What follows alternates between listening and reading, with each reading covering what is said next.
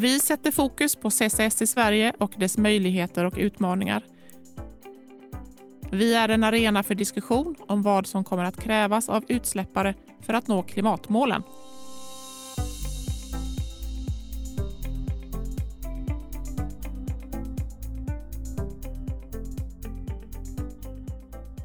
Välkommen till CCS-panelen. Jag som är programledare heter Sara Davidsson och arbetar till vardags som hållbarhetschef på Midrock Europe. Med mig idag i en studio i Stockholm har jag Erik Rylander, affärsutvecklare med ansvar för att utveckla en affär runt kolsänkor på Stockholm Exergi. Välkommen Erik! Tack så mycket, jättetrevligt att vara med idag. Vad gör Stockholm Exergi? Stockholm Exergi, vi är ju i första hand ett eh, energiföretag med ansvar för försörjning av värme och kyla till eh, Stockholm och stockholmarna. Eh, vi tillverkar också el eh, i våra kraftvärmeverk, eh, men på senare år så har den här affären breddats i, stora, i stor omfattning. Och idag kan man säga att vi lika mycket är en energileverantör som en leverantör av andra typer av samhällstjänster som till exempel avfallshantering och andra typer av tjänster och system som gör staden mer hållbar. Eh, till exempel så tar vi hand om all överskottsenergi i Stockholms alpsvatten och använder den för uppvärmning av stad istället för att den slängs bort. Vi eh, återvinner värme från datahallar och livsmedelsbutiker eh, även där så att den liksom inte ska slängas bort utan istället användas eftersom att staden har ju hela tiden ett värmebehov. Eh, och nu tittar vi på liksom att vi ser hela tiden som tendensen i samhället att vi måste hjälpas åt att skapa en mer hållbar värld och Stockholm Exergi vill vara aktören som tillhandahåller verktygen för, för våra kunder och samhället i stort att nå de målsättningar som vi tillsammans måste nå helt enkelt. Då är Stockholm Exergi en viktig del i kretsloppet tänker jag. Berätta om din bakgrund och hur hamnade du på Stockholm Exergi? Ja, jag har en eh, lång bakgrund inom energibranschen eh, och eh, har tidigare i min, karriär haft mera traditionella chefsroller inom energi. Jag har varit underhållschef på gasverket här i Stockholm. Jag har varit ansvarig för fjärrvärmedistributionsverksamheten och lite sådana olika roller i många år innan jag de senaste fem sex åren har fokuserat mer på affärsutveckling och framförallt de sista fem åren varit väldigt aktiv kring att utveckla vår värmeåtervinningsaffär, speciellt riktad mot eh, datacenter. Det är ju så att eh, eh på något sätt så följer vår verksamhet som alla andra de stora trenderna i världen och en stor trend förutom hållbarhet är ju naturligtvis digitalisering och även elektrifiering. Eh, och med den växande digitaliseringen så eh, ser vi ju stora etableringar av datacenter runt om i hela världen och eh, det här är en industri som konsumerar enormt mycket energi eh, men också upps ger upphov till väldigt mycket överskottsvärme. För all energi som går in i en datahall den går ut i andra ändan som varm luft.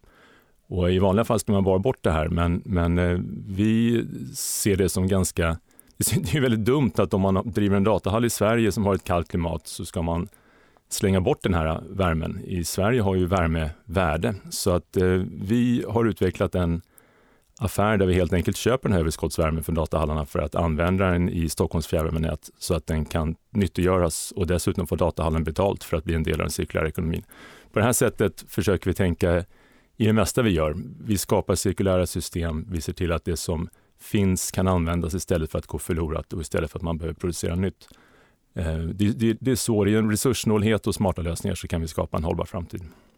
Jag kan tänka mig att när ni började prata om att eh, locka datahallar till, eh, till Stockholm så kanske era motparter var hyfsat ointresserade av klimatavtryck och den typen av frågor och idag är det väl högst på agendan? Ja, men precis. Eh, hållbarhetstrenden är ju väldigt tydlig, eh, har blivit väldigt tydlig och blivit tydligare och tydligare de senaste åren, inte minst efter att Parisavtalet kom fram. Vi började den här satsningen även innan, redan innan Parisavtalet och då är det precis som du säger, eh, industrin själva hade kanske inte riktigt sett det som att de har ett hållbarhetsproblem överhuvudtaget. De var väldigt nöjda med att eh, kanske köpa någorlunda grön el då, från någon typ, med någon typ av utsläppsgaranti eller något liknande. eh, och att eh, försöka använda så effektiv kylutrustning som möjligt i datahallen för att inte spendera onödigt mycket energi. Men, men att liksom tänka på att man kanske kan nyttiggöra den energi som de annars slänger bort, det, det var en tanke som kanske inte var så nära för de flesta. Eh, så att eh, det har varit en resa, men det har varit en väldigt spännande resa och jag kan ju själv se den stora skillnaden från de första gångerna jag var ute i världen och eh, försökte förespråka den här idén då att man ska ta hand, vi köper en överskottsvärme och tyckte vi var helt galna, till idag när man kommer på en stor mässa för datahallsverksamhet så är det värmeåtervinning överallt. Det är det som alla talar om. Alla leverantörer har lösningar för värmeåtervinning och alla operatörer vill kunna värmeåtervinna. Sen är det naturligtvis så att på alla ställen på jorden så är värmeåtervinning inte lika gångbart som i Stockholm. Det är såklart så att värme har mer värde i ett kallt land än i ett varmt. Just det. Idag ska vi prata om en annan typ av kolsänka mer specifikt. Berätta om ditt nya uppdrag. Ja, Världen står inför enorma klimatutmaningar, det känner vi ju alla till. Eh, och eh, IPCC har ju eh, presenterat en rapport 2018 där de visar på att på ett olika scenarium inom vi, eller som vi kan jobba efter för att kunna uppfylla 1,5-gradersmålet. Av de ungefär 80 scenarier som de har lyckats identifiera som innebär att man skulle kunna klara av att möta 1,5-gradersmålet så innehåller ju samtliga naturligtvis enorma utsläppsminskningar vad gäller fossila utsläpp. De fossila utsläppen måste elimineras i princip till eh, 2050. Eh, och, och, det är naturligtvis en jätteresa. Men det som också kan noteras i de här scenarierna, jag tror av de här 80 så är mer än 75 av dem innehåller också det som vi kallar för kolsänkor, det vill säga negativa utsläpp där man helt enkelt tar bort koldioxid som redan är utsläppt från atmosfären. Eh, så att man helt enkelt har en möjlighet att backa bandet. Eh, och det är ju helt enkelt så att väldigt få kanske tror att vi hinner bromsa in de här fossila utsläppen tillräckligt fort för att klara av att hålla oss under 1,5-gradersmålet. Jag tror de sa på nyheterna bara häromdagen att med den takten vi eh, släpper ut idag så kommer vi snarare hamna på 3 grader högre än temperaturen vad vi ser som normalt. Så, så att vi står inför en enorm utmaning. Och, och de här negativa utsläppen är ju alltså tekniker som gör att vi kan ta bort koldioxid ur atmosfären. Det, det kommer behövas som ett komplement till de här jättestora utsläppsminskningarna helt enkelt för att vi ska kunna nå 1,5-gradersmålet. Och vi kan ju se det här på Vissa företag har ju också förstått det här redan. Vi, till exempel så gjorde Microsoft som en, något av en pionjär inom det här eh, ett stort, eh, stor utfästelse i, i våras när de eh, gjorde sin, som de kallar för, själv för sin Carbon Pledge, som handlar om att de ska först se till att helt eliminera hur de släpper ut kol i atmosfären fram till 2030, det vill säga de ska bli net zero som man säger då. De ska inte släppa ut någonting ytterligare efter 2030. Men sen så ska de fram till 2050 dessutom backa bandet så att de har tagit bort ur atmosfären all den koldioxid de någonsin släppt ut sedan de började 1976.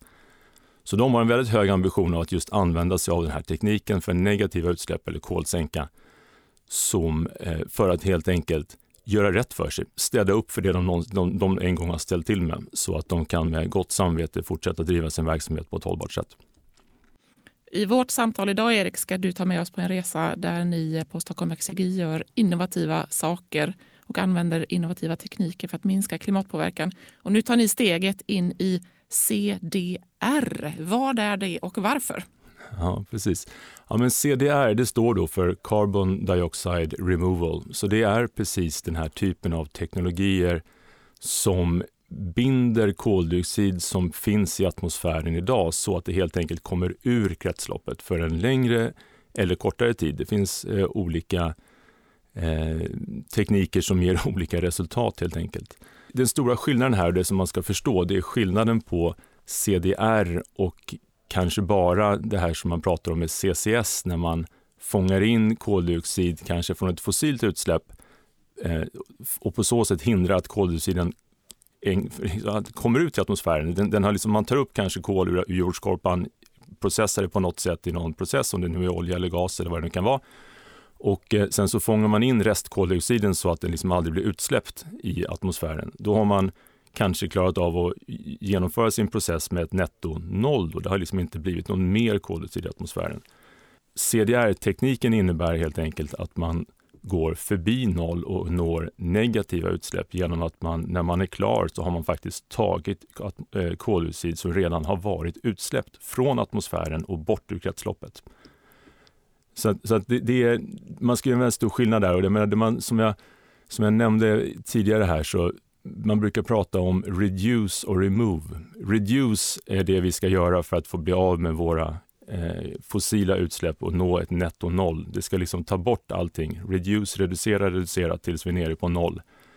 Remove är sättet att kunna då, för det fall det behövs och det kommer att behövas, både för att vi kanske inte klarar av att bromsa in tillräckligt fort, men också därför att det, allting tyder på, eller man är helt säker på att man kommer aldrig kunna riktigt nå noll med alla utsläpp, utan vissa utsläpp kommer vara extremt svåra att bli av med till exempel vissa koldioxidutsläpp från jordbruk och så vidare.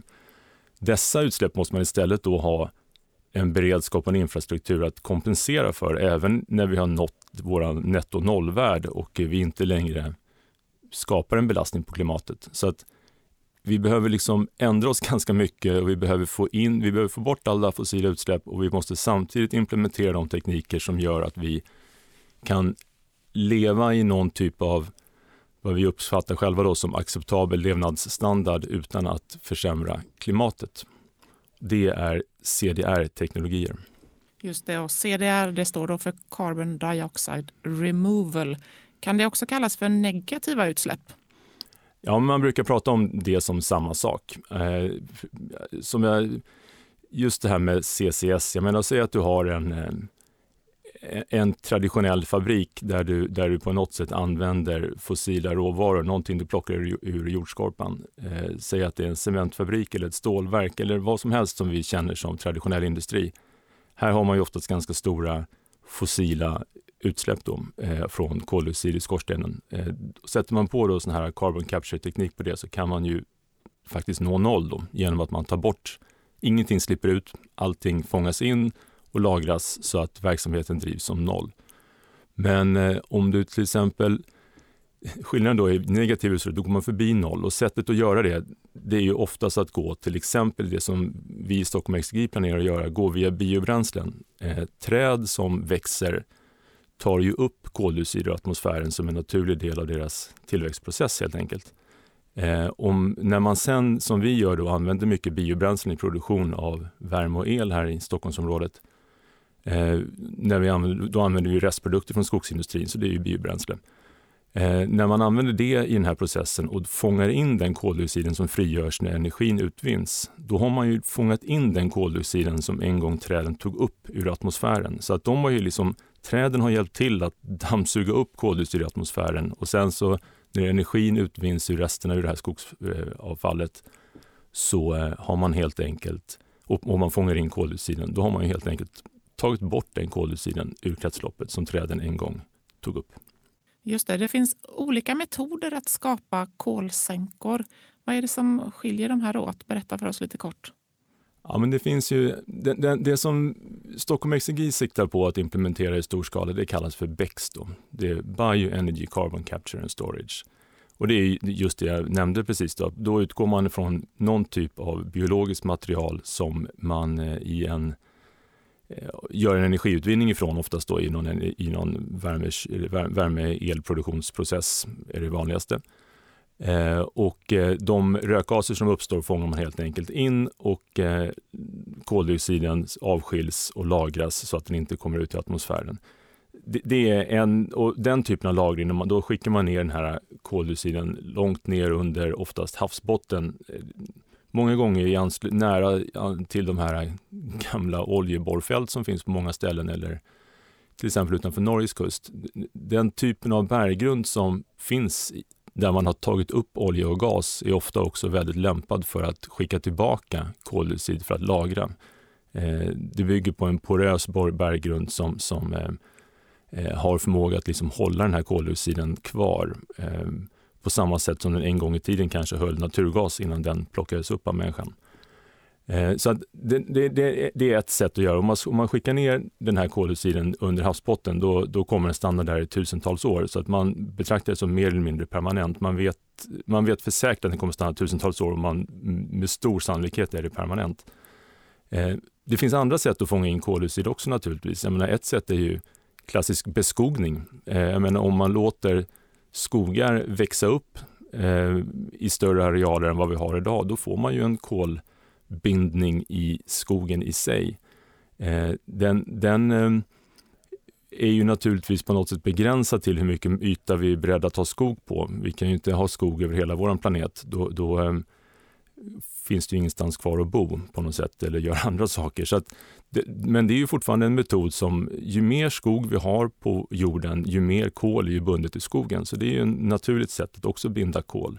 Om man sitter och lyssnar nu och så tänker man att man vill bidra på något sätt så eh, kan vi ju inte mm, till mans eh, bygga eh, anläggningar för bäcks i våra trädgårdar. Men vi, kan vi gå till trädgårdshandeln och köpa en säck med biokol? Ja, men faktiskt. Det kan man göra på många, många ställen. Så kan man köpa biokol. Sen är det lite olika hur de här biokolsprodukterna liksom är sammansatta så att säga. Ehm, vissa leverantörer, alltså biokolet i sig är ju det här jordförbättringsmedlet som jag eh, nämnde då, som gör att du växer bättre i en trädgård. Det är ju en anledning till att den finns kanske på granngården eller liknande eh, aktörer. Men eh, man får läsa lite noggrannare på, på förpackningssedeln ifall den också om, om själva kolsänkan följer med denna produkt. För det är lite olika. En del leverantörer väljer att sälja kolsänkan som uppstår när man tillverkar biokolet separat från själva kolbiten. Men att köpa biokolet är naturligtvis alltid någonting som stödjer att just den här processen kan fortgå så att man kolsänkan kan uppstå någonstans i värdekedjan, även om man kanske inte får med den till, med sin kolbit. Det är lite komplicerat det där, men det är det är en väldigt eh, omogen marknad än så länge det här. Det, det, finns ju ingen marknad. Det är egentligen det som är för själva kolsänkan. Kolbitarna är lätt att förstå att man kan köpa, men den här kolsänkan är ju liksom frågan, är det någonting som den, den är lite svår att greppa för, för kanske vem som helst då, och även för de som jobbar med det, hur man liksom ska tänka på den eh, och förstå att man har liksom fått den. Och det är det som kanske liksom är lite utmaningen med det som jag är fokuserar på att jobba med. Att vi försöker liksom nu att skapa en marknad för att där man verkligen kan förstå liksom vad det är. Både att paketera de här kolsänkorna så att man förstår vad man får och också liksom göra dem tillgängliga så att man liksom kan vara med och bidra om man då vill. I första hand så kanske den här typen av affärsutveckling riktar sig mot stora företag och verksamheter som, som eh, har höga ambitioner att bidra till klimatet. Men, men, i förlängningen så vill man ju också att det här ska vara tillgängligt för för eh, gemene man. Inte bara genom de här stora företagens produkter, vilket det kan bli, kan bli på kort sikt då kanske, men, men även kanske att man ska kunna köpa något ton kolsänka för att eh, man vill kompensera för någonting där man inte har klarat av att vara riktigt kolneutral.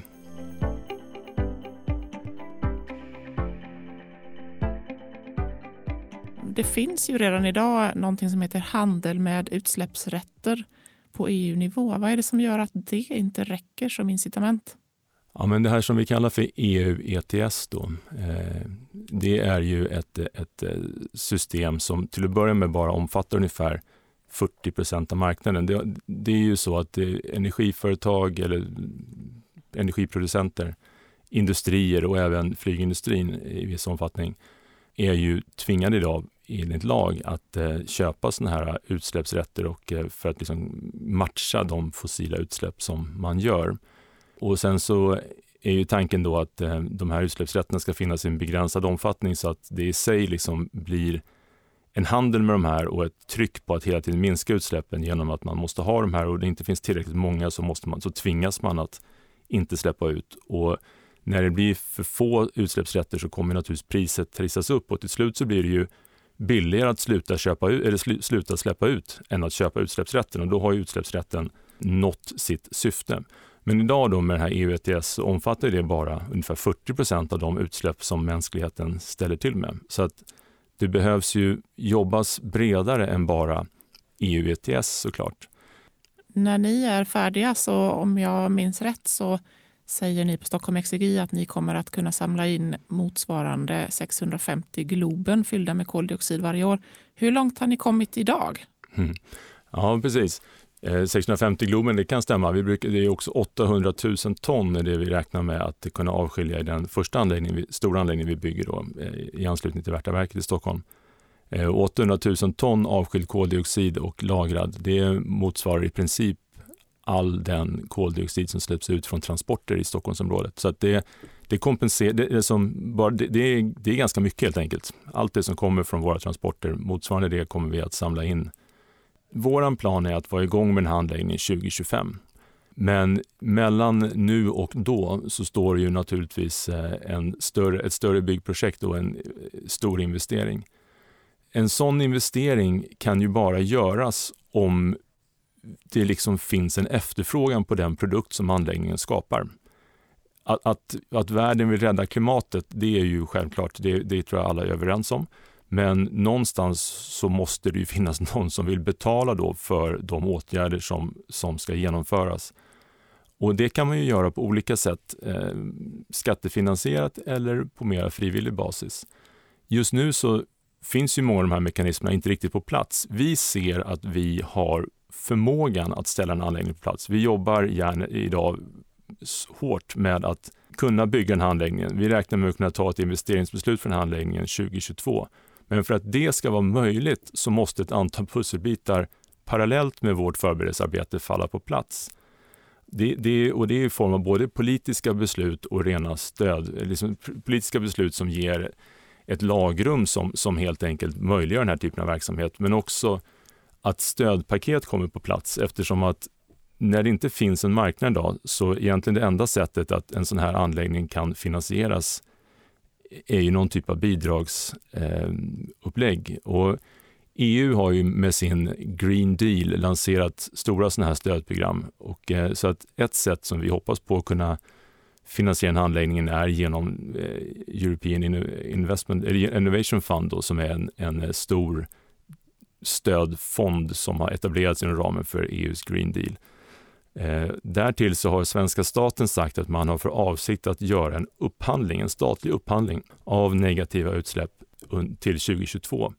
Och det är liksom som en, en nyckelaktivitet för det här, för då, då kommer ju efterfrågan på den här typen av produkt som vi bygger en anläggning för. Så att just nu då så, för att vi jobbar idag allt vi kan för att liksom bli förberedda att ta ett investeringsbeslut 2022. Det investeringsbeslutet kommer ju inte vara möjligt att ta om det liksom inte finns, om vi inte ser att det kommer finnas någon som vill ha den här produkten som vi kan skapa, det vill säga kolsänka.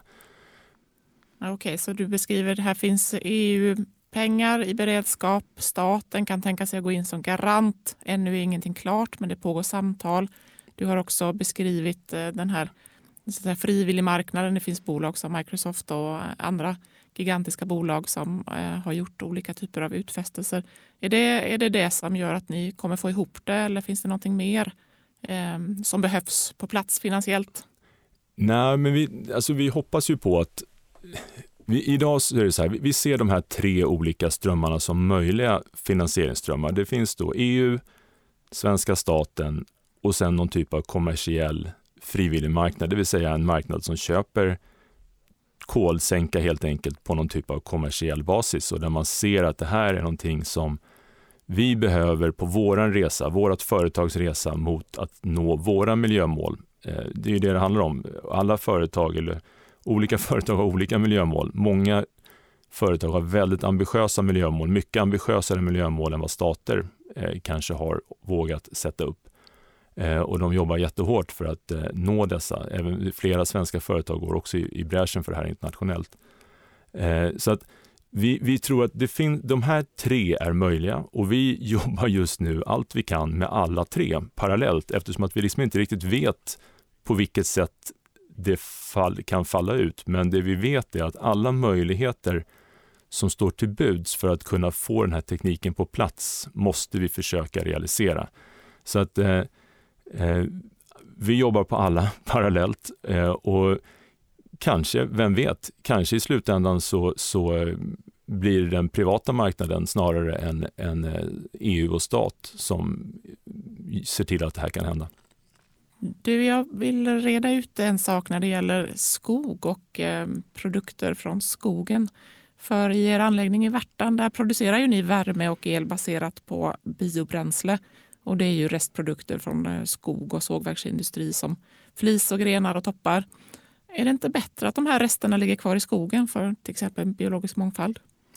Ja, vi, vi, är ju, vi är ju till att börja med väldigt noggranna med hur det här eh, bränslet samlas in. Liksom. Det, här, vi, vi är, det är ju certifierat på många olika sätt för att det som verkligen ska vara ett hållbart skogsbruk. Så det handlar ju inte om någon skövling och det handlar ju inte om att vi använder, som du sa, då, det är ingen rundved eller alltså stock, stamved som vi använder i anläggningen, utan det här är det som är restprodukter från sågverk och, och så vidare som, som hamnar hos oss. Sen är det ju så att den här typen av grenar och eh, flis och såna här saker, eh, om det ligger på marken istället så kommer det att förmultna och då kommer, ur ett kolperspektiv så kommer koldioxiden avges i skogen istället om vi liksom inte energiåtervinner. Eh, så att, så att eh, på det sättet, så som, ur ett klimatperspektiv, så är det bättre att vi tar hand om det på det sättet vi gör, åtminstone utvinner energin, så att vi slipper producera energin på annat sätt. För koldioxiden ligger i ett kretslopp ändå i de här, eh, från, från de här bio, biobränslena, alltså träden och, och eh, så vidare. Eh, och ett biologiskt mångfaldsperspektiv, det är ju det som vi är väldigt noga med det och det är ju liksom eh, att det, vår verksamhet ska ju inte leda till till en försämrad värld, utan vi, vi, vi, det är därför vi är så noga med allt det här att bränslena kommer från certifierade leverantörer som verkligen har koll på sina kedjor och vi, vi gör vad vi kan för att verkligen se till att, att eh, allting går rätt till hela vägen fram eh, från skog till, till oss helt enkelt och att vi, vår verksamhet inte ger orsak till negativa konsekvenser i, i skogen.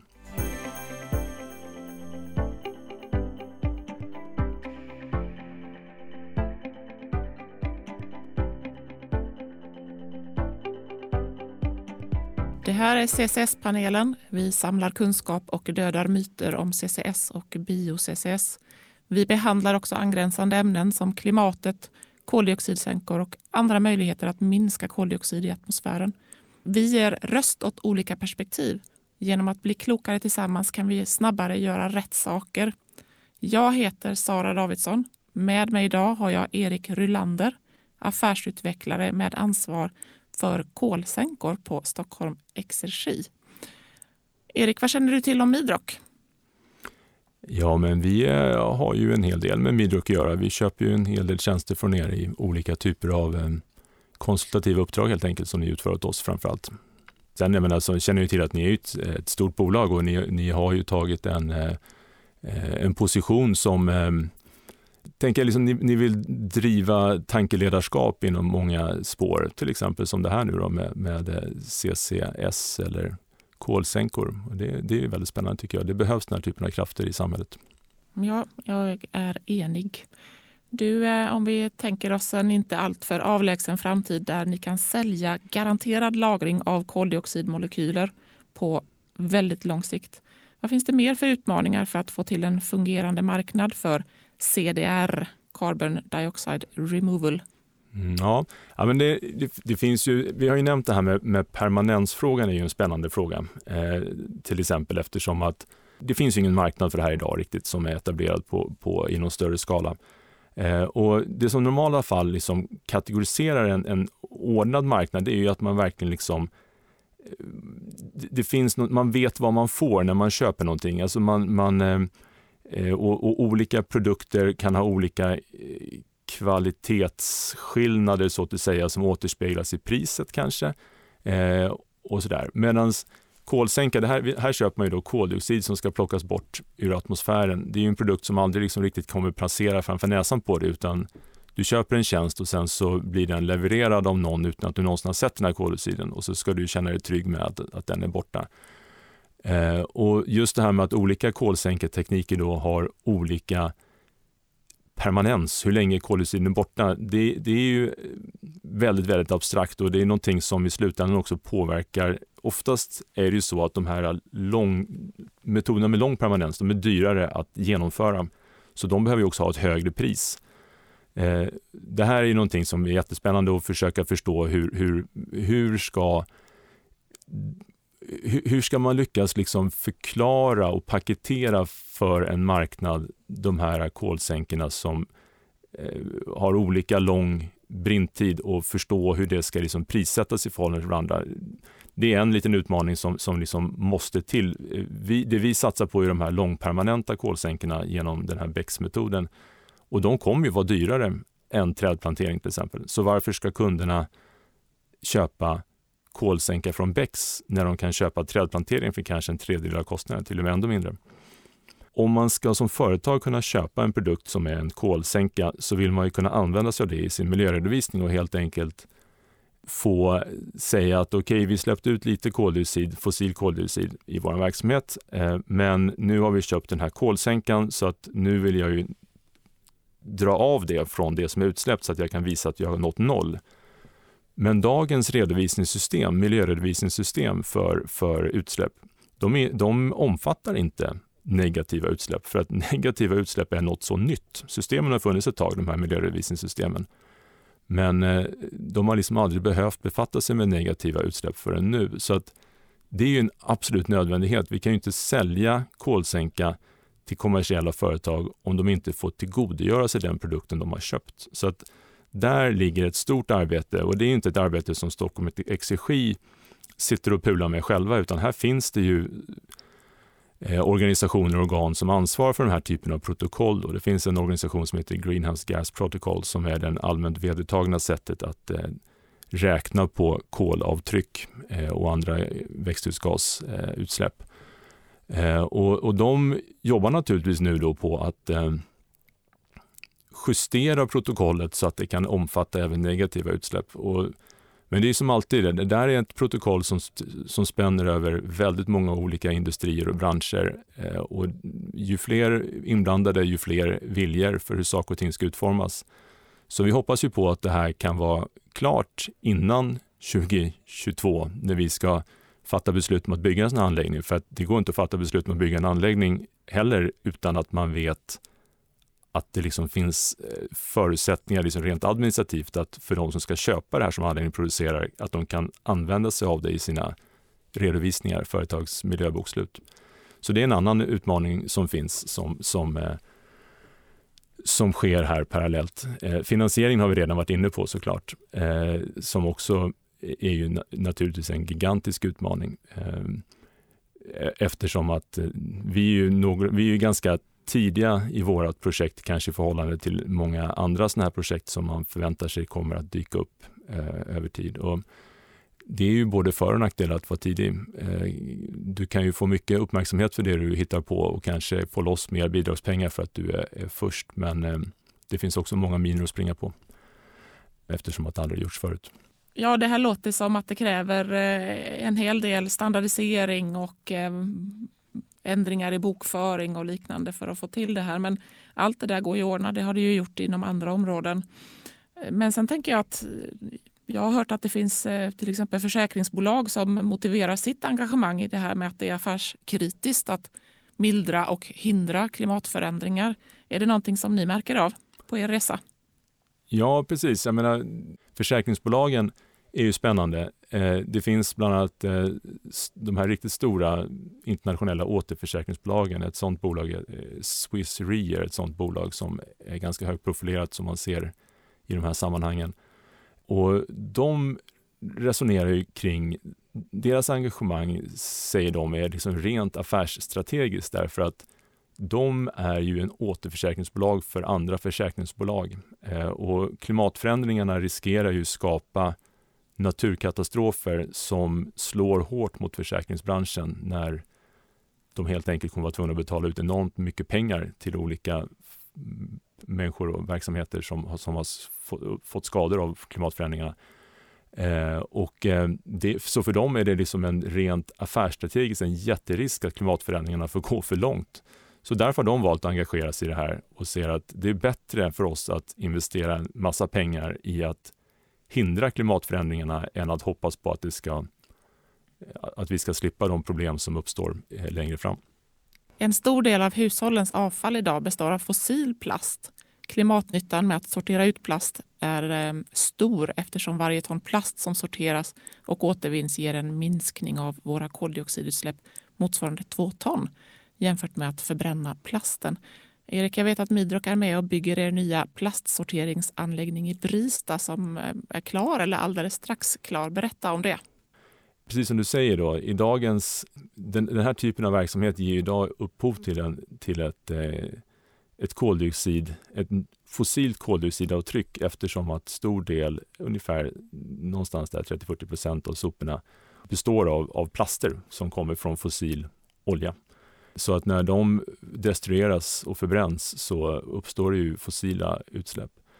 Vi vill ju idag röra oss emot att inte i onödan förbränna sånt som skulle kunna återanvändas och återvinnas. Och vi vet ju att vi redan idag i samhället försöker att åstadkomma så mycket återvinning som möjligt. Vi har ju våra återvinningsstationer där vi lämnar våran plast och våran papper och vad det nu är för olika fraktioner vi har. Men fortfarande så hamnar ju en hel del plast i blandad, det blandade avfallet, hushållssoporna helt enkelt.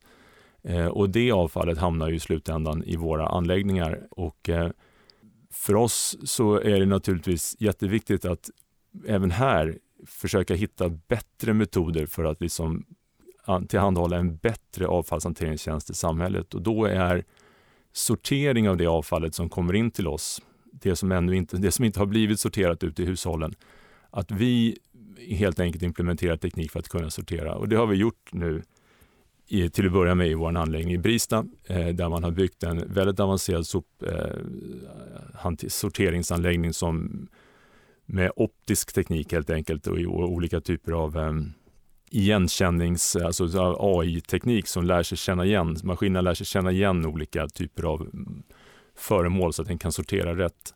Så sorterar vi ut eh, väldigt stor andel av eh, plast och metaller och andra typer av material som kan återvinnas Eh, i det här blandade avfallet idag så att det inte går in till eh, destruktionsanläggningar utan istället skickas in i, i eh, återvinningsspåret. Eh, och det, det, är, det, det är ett jätteframsteg på så sätt att vi i, på det sättet kan undvika onödiga fossila utsläpp och öka mängden eh, återvinning. Där vill ni ju koppla på CCS-teknik även på era avfallsbehandlingsanläggningar. Och eh, du beskriver för oss de här utmaningarna. Ja, men naturligtvis är det så då att om vi kan få det här eh, bördan från koldioxidavtrycket som uppstår från den här avfallsbehandlingstjänsten att liksom stanna kvar i avfallsbranschen på något sätt Eh, så kommer vi ju också kunna börja jobba med de här aktörerna i avfallsbranschen för då hamnar det i slutändan i deras då kan det liksom skjutas över i deras miljöredovisningar eh, så att de också får incitament att vara med och jobba med att få bort det. Och eh, sätter vi CCS-teknologi på avfallsbränningsanläggningarna, då kommer vi naturligtvis kunna fånga in den här koldioxiden så att den inte kommer ut i samhället eller ut i atmosfären. Men det är återigen där då, den fossila delen av, en, av ett koldioxidutsläpp som, som eh, ska fångas in, det, det genererar ju inte den här typen av minusutsläpp vi pratade om tidigare, utan då kan man i bästa fall nå noll. Det vill säga när man har fångat in koldioxid från, ett fossilt, eh, från en fossil källa så, så finns det liksom ingenting efteråt kvar att sälja för det man har nått är noll. Det är inte ett minusutsläpp som kan kompensera för någonting annat. Då måste helt enkelt, för att den typen av teknologi ska kunna implementeras, då måste den som har gett upphov till det fossila till den fossila komponenten som helt enkelt behöver fångas in, den måste betala. Och i det fallet är det nu då avfallsbranschen som måste vara med och betala för att vi ska kunna sätta CCS-teknologi på avfallsbehandlingsanläggningarna. Och det förutsätter ju att de också känner att de är del av problemet. Och idag är de inte del av problemet i redovisningssystemet eftersom att problemet med kolavtrycket från avfallsbehandling hamnar hos fjärrvärmekunderna istället, vilket blir väldigt konstigt.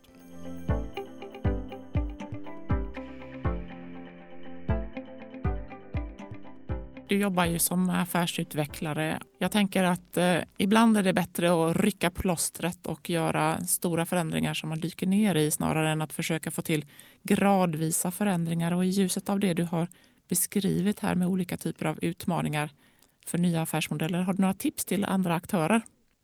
Ja, men menar, affärsutveckling handlar ju väldigt mycket om att se möjligheter.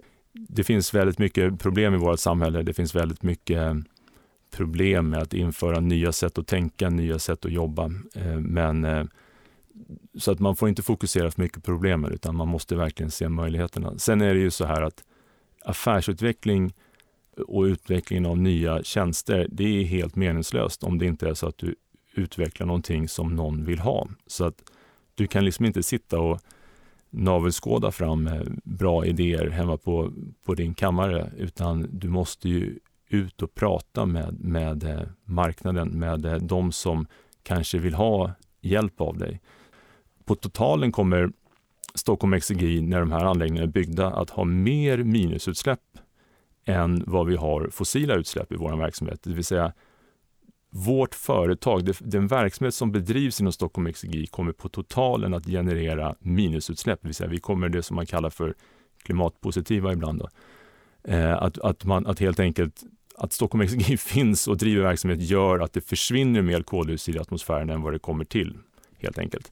Eh, däremot är det ju så att det här är inte någonting, vi har liksom ingen det finns ingen poäng för oss att behålla alla de här minusutsläppen såklart, utan det är det som vi vill skapa en affär kring för att netto noll är det som alla behöver nå och vi kommer kunna ha verktygen för att hjälpa andra att komma till eh, noll genom att vi helt enkelt kan ge dem lite hjälp på vägen. Kanske under tiden som de blir av med alla sina faktiska, de utsläpp som de måste undvika över tid. Eller också för att de driver en verksamhet där det aldrig kommer gå att riktigt bli av med alla utsläpp, utan de kommer alltid behöva lite hjälp av någon som, som på ett eh, vetenskapligt eh, förankrat sätt faktiskt ser till att ta bort den koldioxiden som de har gett upphov till ur atmosfären.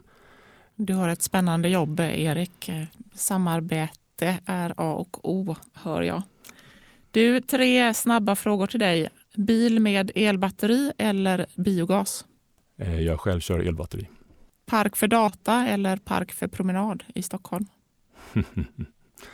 Eh, jag tänker att eh, vi, många av oss vill ha en stark infrastruktur för digitala tjänster. Det ger oss möjlighet att till viss del leva mer hållbart när vi slipper resa för våra affärsmöten och så vidare. Vi blir mer och mer beroende av eh, databurna tjänster. Så att vi kommer vilja ha datacenter eh, för att eh, tillhandahålla den typen av plattform för vårt liv som vi har blivit mer och mer vana vid. Liksom. Eh, dessa datacenter eh, behöver dock inte vara någonting som eh, stör i, eh, liksom, inte istället för parken att gå i utan kanske bredvid parken man går i eftersom att de blir en integrerad del av den hållbara staden. När de liksom ligger där, tillhandahåller de här tjänsterna som vi vill ha och samtidigt återvinner sin spillvärme i fjärrvärmenätet så att staden kan hållas varm utan att vi behöver använda andra bränslen för det. Sälja spillvärme eller koldioxid? Ja, både och. Handel och samverkan, det är sådana här liksom fundamentala drivkrafter för innovation på något sätt. Alltså handel är ett sätt att samverka.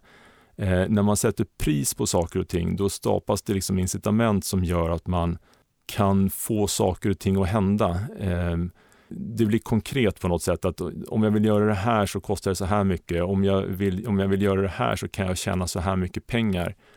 Och det kanske ligger, om den här tjänsten då som jag vill köpa eller sälja eh, dessutom ligger i linje med, med, med min eh, miljö, miljömålsättning för mitt företag, var jag vill vara, hur jag vill profilera mig, hur jag vill liksom bidra till en, en hållbar framtid. Då, då uppstår det liksom möjligheter att flytta utvecklingen framåt. Jag tror i framtiden så menar, sälja vi jobbar mycket med att köpa spillvärme för att liksom se till att det finns ett tydligt ekonomiskt incitament att att bli en del av den cirkulära ekonomin. För värmen i Stockholm har ett värde. Vi kan, om vi tar in i fjärrvärmenätet så kan vi skapa värde av den här värmen genom att sälja den till stockholmarna helt enkelt. Och därmed kan vi också ge dem som väljer att leverera fjärrvärmen in i fjärrvärmenätet istället för att slänga bort den betalt. Då har det uppstått liksom en win-win-win. De får betalt, vi får, in vi får in energi i vårt system så vi slipper producera den själva och staden blir i slutändan mer hållbar när det inte behöver användas eh, olika typer av bränslen för den här uppvärmningen utan man istället kan ta hand om någonting som redan, eller tillvarata någonting som redan finns.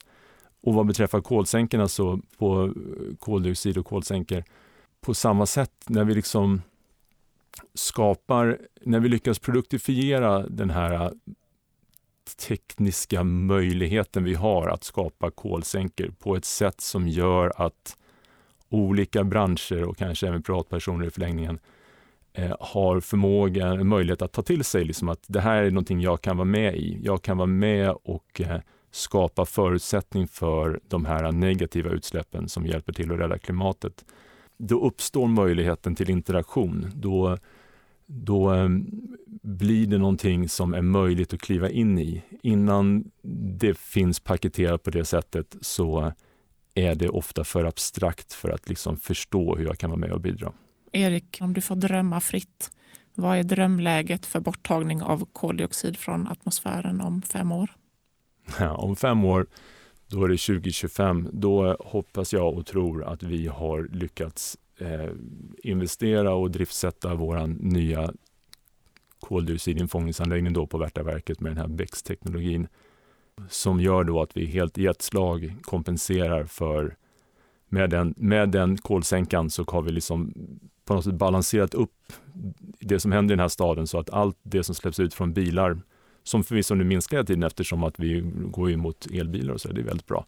Men, men den nuvarande utsläppta bilar är då därmed eh, liksom uppvägt av att vi helt enkelt samlar in motsvarande mängd koldioxid. Parallellt så hoppas jag naturligtvis att det har sjunkit väldigt mycket på många andra ställen och många andra branscher. Så att kanske är ju det läget hela Stockholms stad faktiskt. Om man bara drar gränserna runt Stockholms stad i någon typ av geografisk mening utan att liksom bestämma egentligen vem som äger själva negativa utsläppen. Men om man bara drar gränserna runt Stockholms stad så kanske vi har nått ett läge där faktiskt hela staden i princip är, kan, skulle kunna vara klimatneutral. Det vore ju fantastiskt. Tack för att du har lyssnat. Tycker du om det du lyssnar på, ge oss gärna feedback så att vi kan nå fler. Du hittar våra poddar där du hittar andra poddar. Skulle du vilja kommunicera med oss kan du skicka ett mejl till info.ccs midrock.se. Jag heter Sara Davidsson och dagens gäst har varit Erik Rylander från Stockholm Exergi med särskilt ansvar att utveckla en affär runt kolsänkor och borttagning av koldioxid från atmosfären. Tack Erik för att du har pratat med mig idag. Tack Sara, det har varit jättekul. Hej då.